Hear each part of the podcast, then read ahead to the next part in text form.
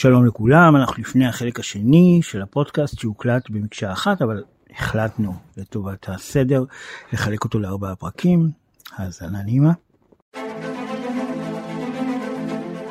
כל הדיגיטל הזה. פודקאסט אנשים ומחשבים, ספיישל מיוחד לכבוד הישורת האחרונה של מערכת הבחירות החמישית. מגישים יהודה קונפורטס, עורך ראשי של קבוצת אנשים ומחשבים, ורון קסלר, עורך הפודקאסט. ועכשיו אה, ממש נצלול לנושא הזה של קמפיינים פוליטיים בדיגיטל. נמצא איתנו אורי, אורי אה, פרניק, מנהל מחלקת הדיגיטל של רימון אה, כהן, רוני רימון, שאחראי על הניצחון של נתניהו ב-2009. אה, שלום אורי. שלום, שלום רון, שלום יהודה.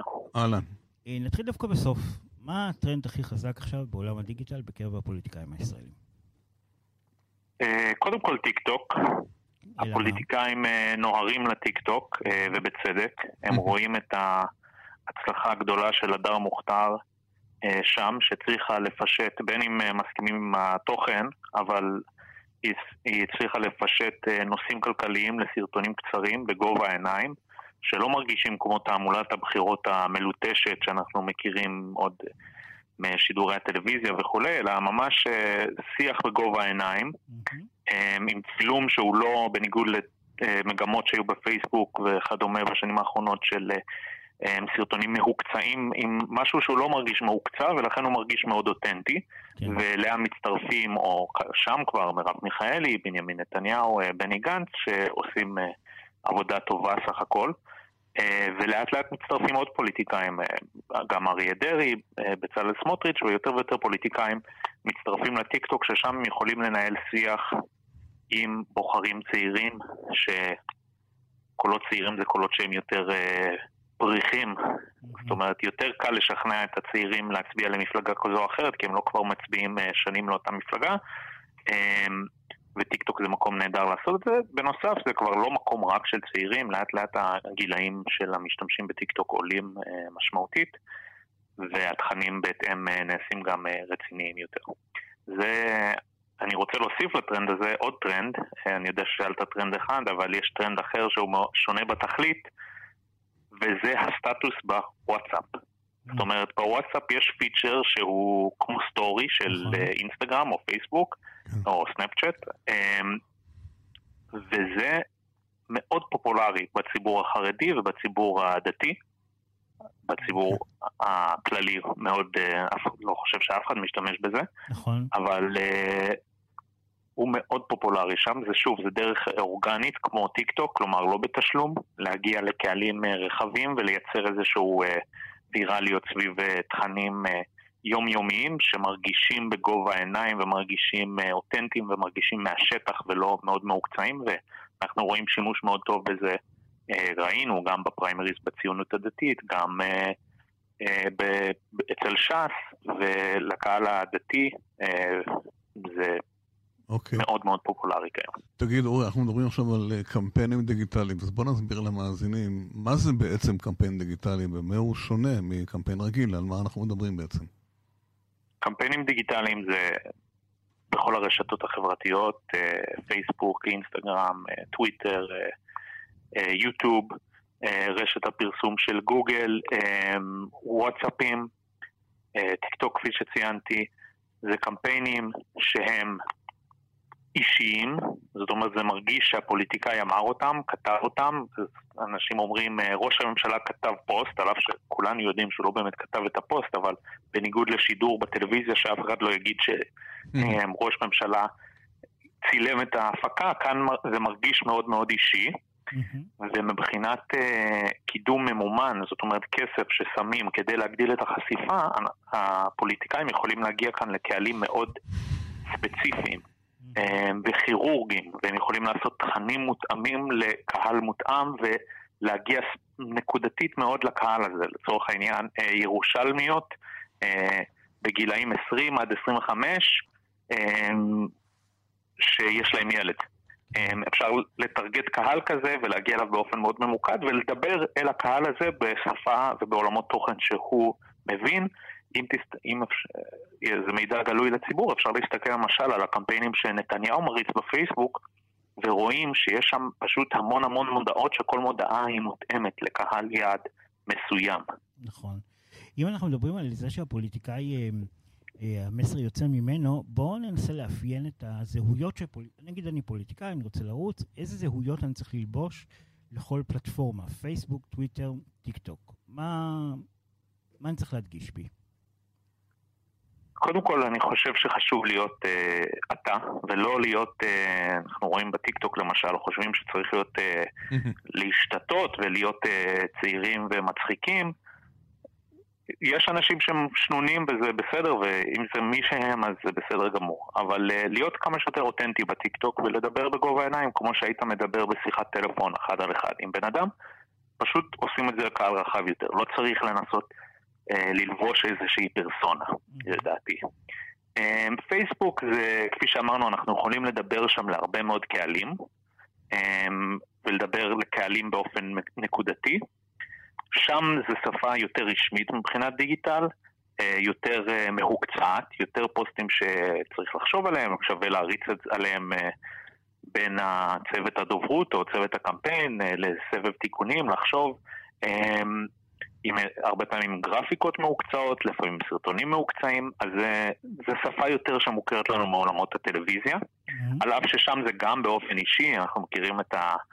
היי זאת שלי אה, שהיה בזמנו, כן, של, אה, של כן. יחימוביץ' שהייתה כותבת נכון, בפייסבוק, נכון. או, או נפתלי בנט שהיה משתמש בפלטפורמה הזאת אה, לפוסטים מאוד ארוכים ואישיים, אז זה כן נכון. תחושה יותר אישית מטלוויזיה, אבל עדיין אה, זה צריך להיות אה, מהוקצע. אה, וטוויטר זה מאוד אה, מורכב בדעתי, כי טוויטר, אה, הרבה, מה, הרבה מהכוח של טוויטר האלגוריתם שם זה מהתנצחויות וויכוחים. כן, בארץ הוא אה, פחות, אה, פחות מקובל, זה יותר במדיה, בביצה התקשורתית או הפוליטית בין אחד לשני. בוא, לא בוא, כך, בוא נקרא לילד כן, בשמו, טוויטר כן. הוא כלי תקשורת בין פוליטיקאים. כן, נכון, נכון. נכון, ואני חושב שפוליטיקאים עושים שם הרבה שגיאות גם. כי בגלל שקשה לא להגיב למישהו שתוקף אותך, uh, ואתה גם תקבל על זה לייקים ושיתופים. אבל לפעמים אפשר להניח, אה, טוויטר זה הכי כאילו ישיר, זה הכי מה שאמרנו, אה, ראש הממשלה צייץ ככה, אה, שר הביטחון צייץ ככה, ראש האופוזיציה צייץ, זאת אומרת זה מרגיש ממש דיבור, והרבה פעמים הם באמת ממש עושים את זה עם הנייד שלהם, הפוליטיקאים עצמם, בלי שום תיווך. ומכאן הרבה פעמים עושים שגיאות, אני חושב שמותר שלפוליטיקאים יהיה קצת קלאס. לא חייבים הכל לצייץ בשמם, אפשר לצייץ דברים בשם דוברים, אם אנחנו זוכרים את הסיפור של עומר בר-לב עם אה, פיטורי הדובר כן, בעקבות אה, כן. ציוץ לא מוצלח, אני חושב שהיה אפשר לחסוך את זה על ידי זה שמראש היה כותב... זה היה פשוט נראה כמו הודעת דוברות, ולא. כמו היי זה עומר, אה, לצורך העניין. וזה נכון לגבי הרבה פוליטיקאים, אני חושב. תגיד לי, אם אנחנו כבר מדברים על טעויות, בואו נדבר קצת על משברי דיגיטל של פוליטיקאים. איך זה, מה קורה מאחורי הקלעים? יצא משהו והוא לא, לא, לא להיט או אה, מייצר נזק. מה קורה בסביבת הפוליטיקאי ואיך מתמודדים עם דבר כזה? אז הקלישה הסינית העתיקה של משבר הוא הזדמנות אה, כן. מאוד נכונה לגבי משברים ברשת, כי כפי שהזכרנו קצת, אה, בעצם משבר ומשהו שהוא שהוא לא חיובי בהכרח ברשת, הרבה פעמים הוא דווקא כן להיט. אז זה כן דרך לה... שיכירו אותך יותר. עכשיו, לא צריך לקחת את זה לקצה, אבל בסופו של דבר, נניח העלית פוסט שאנשים לא אוהבים אותו, אז הרבה אנשים יגיבו, והרבה אנשים ישתפו ויגידו, תראו את השטויות שהוא כתב.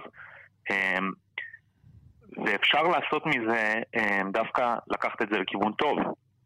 להגיב, אה, להגיב, להבהיר, לייצר שיח. הרשת, בניגוד לקמפיינים בטלוויזיה או בשלטי חוצות, היא מאוד דינמית.